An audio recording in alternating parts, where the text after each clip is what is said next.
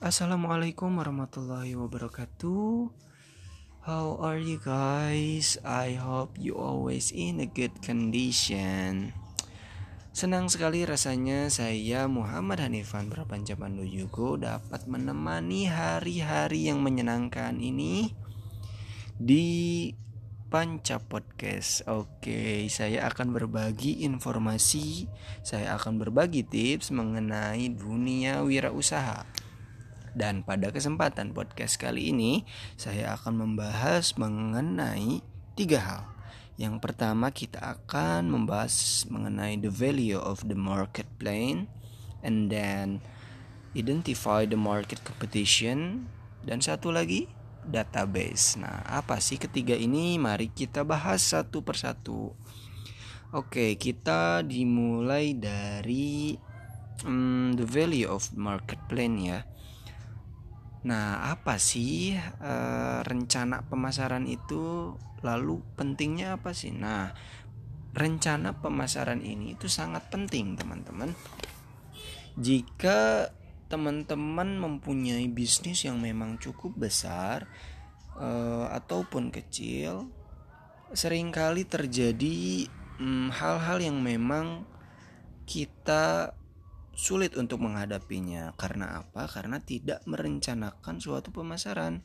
Nah, jadi rencana pemasaran di sini adalah membantu kita agar bagaimana kita bisa mengidentifikasi, mengontrol juga melaksanakan pemasaran yang memang kita akan mendapatkan hasilnya di waktu tertentu. Nah, tentunya juga um, merencanakan suatu pemasaran ini juga kita uh, sebagai apa ya sebagai backing bahwa kita akan menghadapi suatu tantangan ataupun suatu ketidakpastian yang di mana nanti um, tantangan ini juga akan mempengaruhi produktivitas kita ataupun mempengaruhi penghasilan yang kita dapatkan. Nah, dalam dalam membuat suatu perencanaan ini tentunya hmm, bisa meningkatkan uh, penghasilan teman-teman sekalian. Nah, lalu juga teman-teman misalkan sebelum terjun terhadap dunia pemasaran tentunya kita tidak bisa menangani apa ya atau menentukan menentukan harga lalu bagaimana kita berkomunikasi bagaimana kita memasarkan sebuah produk. Nah di sini kita uh, bisa dan harus harus bisa memanage juga mengidentifikasi eh, hal-hal apa saja yang memang ki yang memang diperlukan di dalam pasar gitu. Supaya kita juga bisa hmm, mengontrol semua elemen yang sudah kita rencanakan. Hmm, lalu kita ada identify the market uh, competition ya, yang di mana di sini kita hmm, terdapat misal terdapat sesuatu uh, usaha, usaha di sini itu macam-macam tetapi yang perlu kita perhatikan di sini adalah misalkan ada penjual yang memang produknya sama dengan apa yang kita jual. Nah, lalu kita menawarkan uh, menawarkan harga yang berbeda. Nah, jadi setiap penjualnya itu mempunyai harga yang berbeda dan menawarkan produk yang serupa. Nah, gitu. Lalu bagaimana kita menghadapi hal-hal demikian? Tentunya dari produk yang kita pasarkan kita harus e, mempunyai ciri khas tersendiri. Ciri khas di sini termasuk apa pun itu misalnya kita ambil um, contoh makanan. Makanan di sini itu misalkan ketoprak. Ketoprak itu dari sekian penjual hanya satu yang unik-unik dalam segi apa? Misalkan dari segi segi rasa sambalnya yang unik sedemikian rupa ataupun ditambah jeruk nipis uh, sehingga produsen pun atau pembeli pun bisa uh, merasakan feelnya gitu dalam uh, dalam apa ya?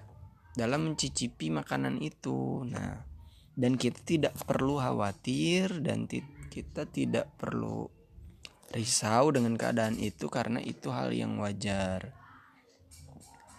Di mana hmm, kita harus intinya kita harus mempunyai suatu ciri khas dengan produk kita gitu. Dan tentunya jangan khawatir juga tentang misalkan ada suatu hmm, suatu apa ya sesuatu yang memang hmm, apa ya lupa lagi sesuatu Oh misalkan gini, ada sebuah konsep yang memang mengajarkan kita bahwa harga menentukan kualitas. Nah belum tentu teman-teman. Misalkan kita memasarkan produk uh, facial ataupun pencuci muka. Pencuci muka di sini misalkan harga A hmm, sangat tinggi dan harga B sangat rendah, tetapi di sini menawarkan produk yang sama tentunya untuk membersihkan muka. Adapun orang yang memang menggunakan produk mahal itu dia tidak cocok. Tetapi menggunakan produk yang murah itu cocok gitu loh. Dan dan berpengaruh terhadap mukanya. Gitu. Jadi jangan khawatir mengenai uh, produk yang sama yang ditawarkan kepada pembeli gitu. Tentunya ini akan menjadi apa ya persaingan persaingan yang positif tentunya dan lalu ada hmm, selanjutnya kita akan membahas database. Nah, database sendiri itu apa sih? Database di sini itu kita ambil contoh adalah hmm, misal kita sering lihat e, banyak sekali orang yang menjual e, produknya melalui online, tentunya lewat WhatsApp. Nah, database WhatsApp di sini itu uh, database yang dimaksud ini adalah berupa kontak WhatsApp. Nah, database ini adalah sebuah data uh, data pelanggan juga bisa kita sebut berupa nomor WhatsApp ataupun nomor telepon yang telah kita kumpulkan. Nah, jadi uh, seberapa banyak kontak yang kita dapatkan ini mempengaruhi penjualan kita, teman-teman. Misalkan kita mempunyai hmm, kontak minimal misalkan kita ambil range dulu di sini kita ambil 100 kontak. Misalkan teman-teman punya 100 kontak yang di mana uh, di saat kita memasarkan produk uh, dan kita mempromosikannya lewat status kita ambil rate-nya itu sebesar 10% yaitu sekitar 10 kontak yang tertarik uh, kepada produk kita. Misalkan kita memasarkan hmm, dengan harga memasarkan produk dengan harga 100.000.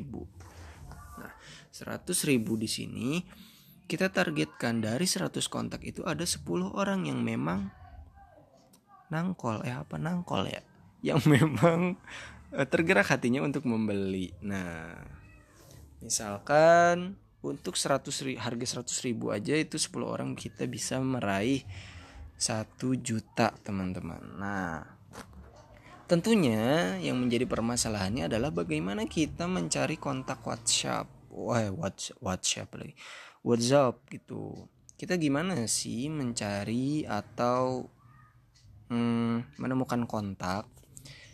Uh, yang menjadi permasalahannya adalah gini teman-teman teman-teman bisa menyimpan nomor yang berada di grup teman-teman berada. Misalkan teman-teman mempunyai grup English Education eh, angkatan 2017 misal. Nah dari situ teman-teman bisa bisa apa ya bisa menyimpan nomor itu lalu kita bisa mengkomunikasikannya dengan seseorang yang telah kita save. Dengan tentunya di sini jangan ada baper-baperan ya teman-teman. Misalkan kita basa-basi eh kita sekontak nih di di grup English Education 2017 nah kita bisa menggunakan itu sebagai uh, suatu apa ya latar belakang juga kali ya nah jangan lupa juga pada saat save kita juga meminta save balik teman-teman.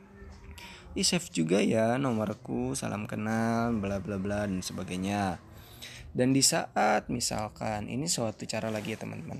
Di saat kita atau di saat seseorang membuat status kita juga bisa nih memberikan feedback. Memberikan feedback apa? Misalkan seseorang itu bermain basket. Oh you are cool. You are really cool. Nah kita bisa memberikan respon seperti itu. Jadi nggak ada kata baper-baperan ya gitu. Hmm begitu. Teman-teman apakah saya ada yang lupa? Sebentar. Hmm atau juga gini teman-teman. Bisa kita memberikan suatu mentoring bahwa kita suatu mentoring dengan cara apa ya? Dengan cara memberikan apa arahan atau memberikan video yang memang hmm, mendukung bahwa kita tuh harus usaha gitu loh. Jadi kita bisa mentoring juga terhadap mereka bagaimana untuk memulai sebuah usaha, bagaimana cara kita untuk memasarkannya, ataupun kita juga bisa memberikan ebook yang di mana ini bisa menjadi guide untuk mereka dalam membuat hmm, sebuah usaha gitu.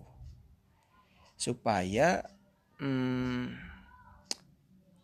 seseorang yang memang berada di kontak kita itu mereka tertarik gitu. Ada daya tarik ada interaksi gitu sesama hmm, angkatan misalnya itu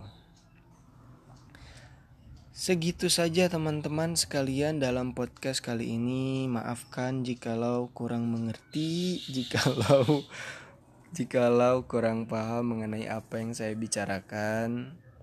Dan jikalau ada hal-hal yang perlu di-sharing ataupun kita berdiskusi, boleh hmm, WA saya tentunya ada di deskripsi. Terima kasih atas waktunya, atas hmm, apa ya atas keberkenanannya keberkenaannya dalam mendengarkan saya untuk berbagi tips mengenai dunia wirausaha uh, selamat petang dan sampai jumpa dan sampai jumpa di podcast selanjutnya. Assalamualaikum warahmatullahi wabarakatuh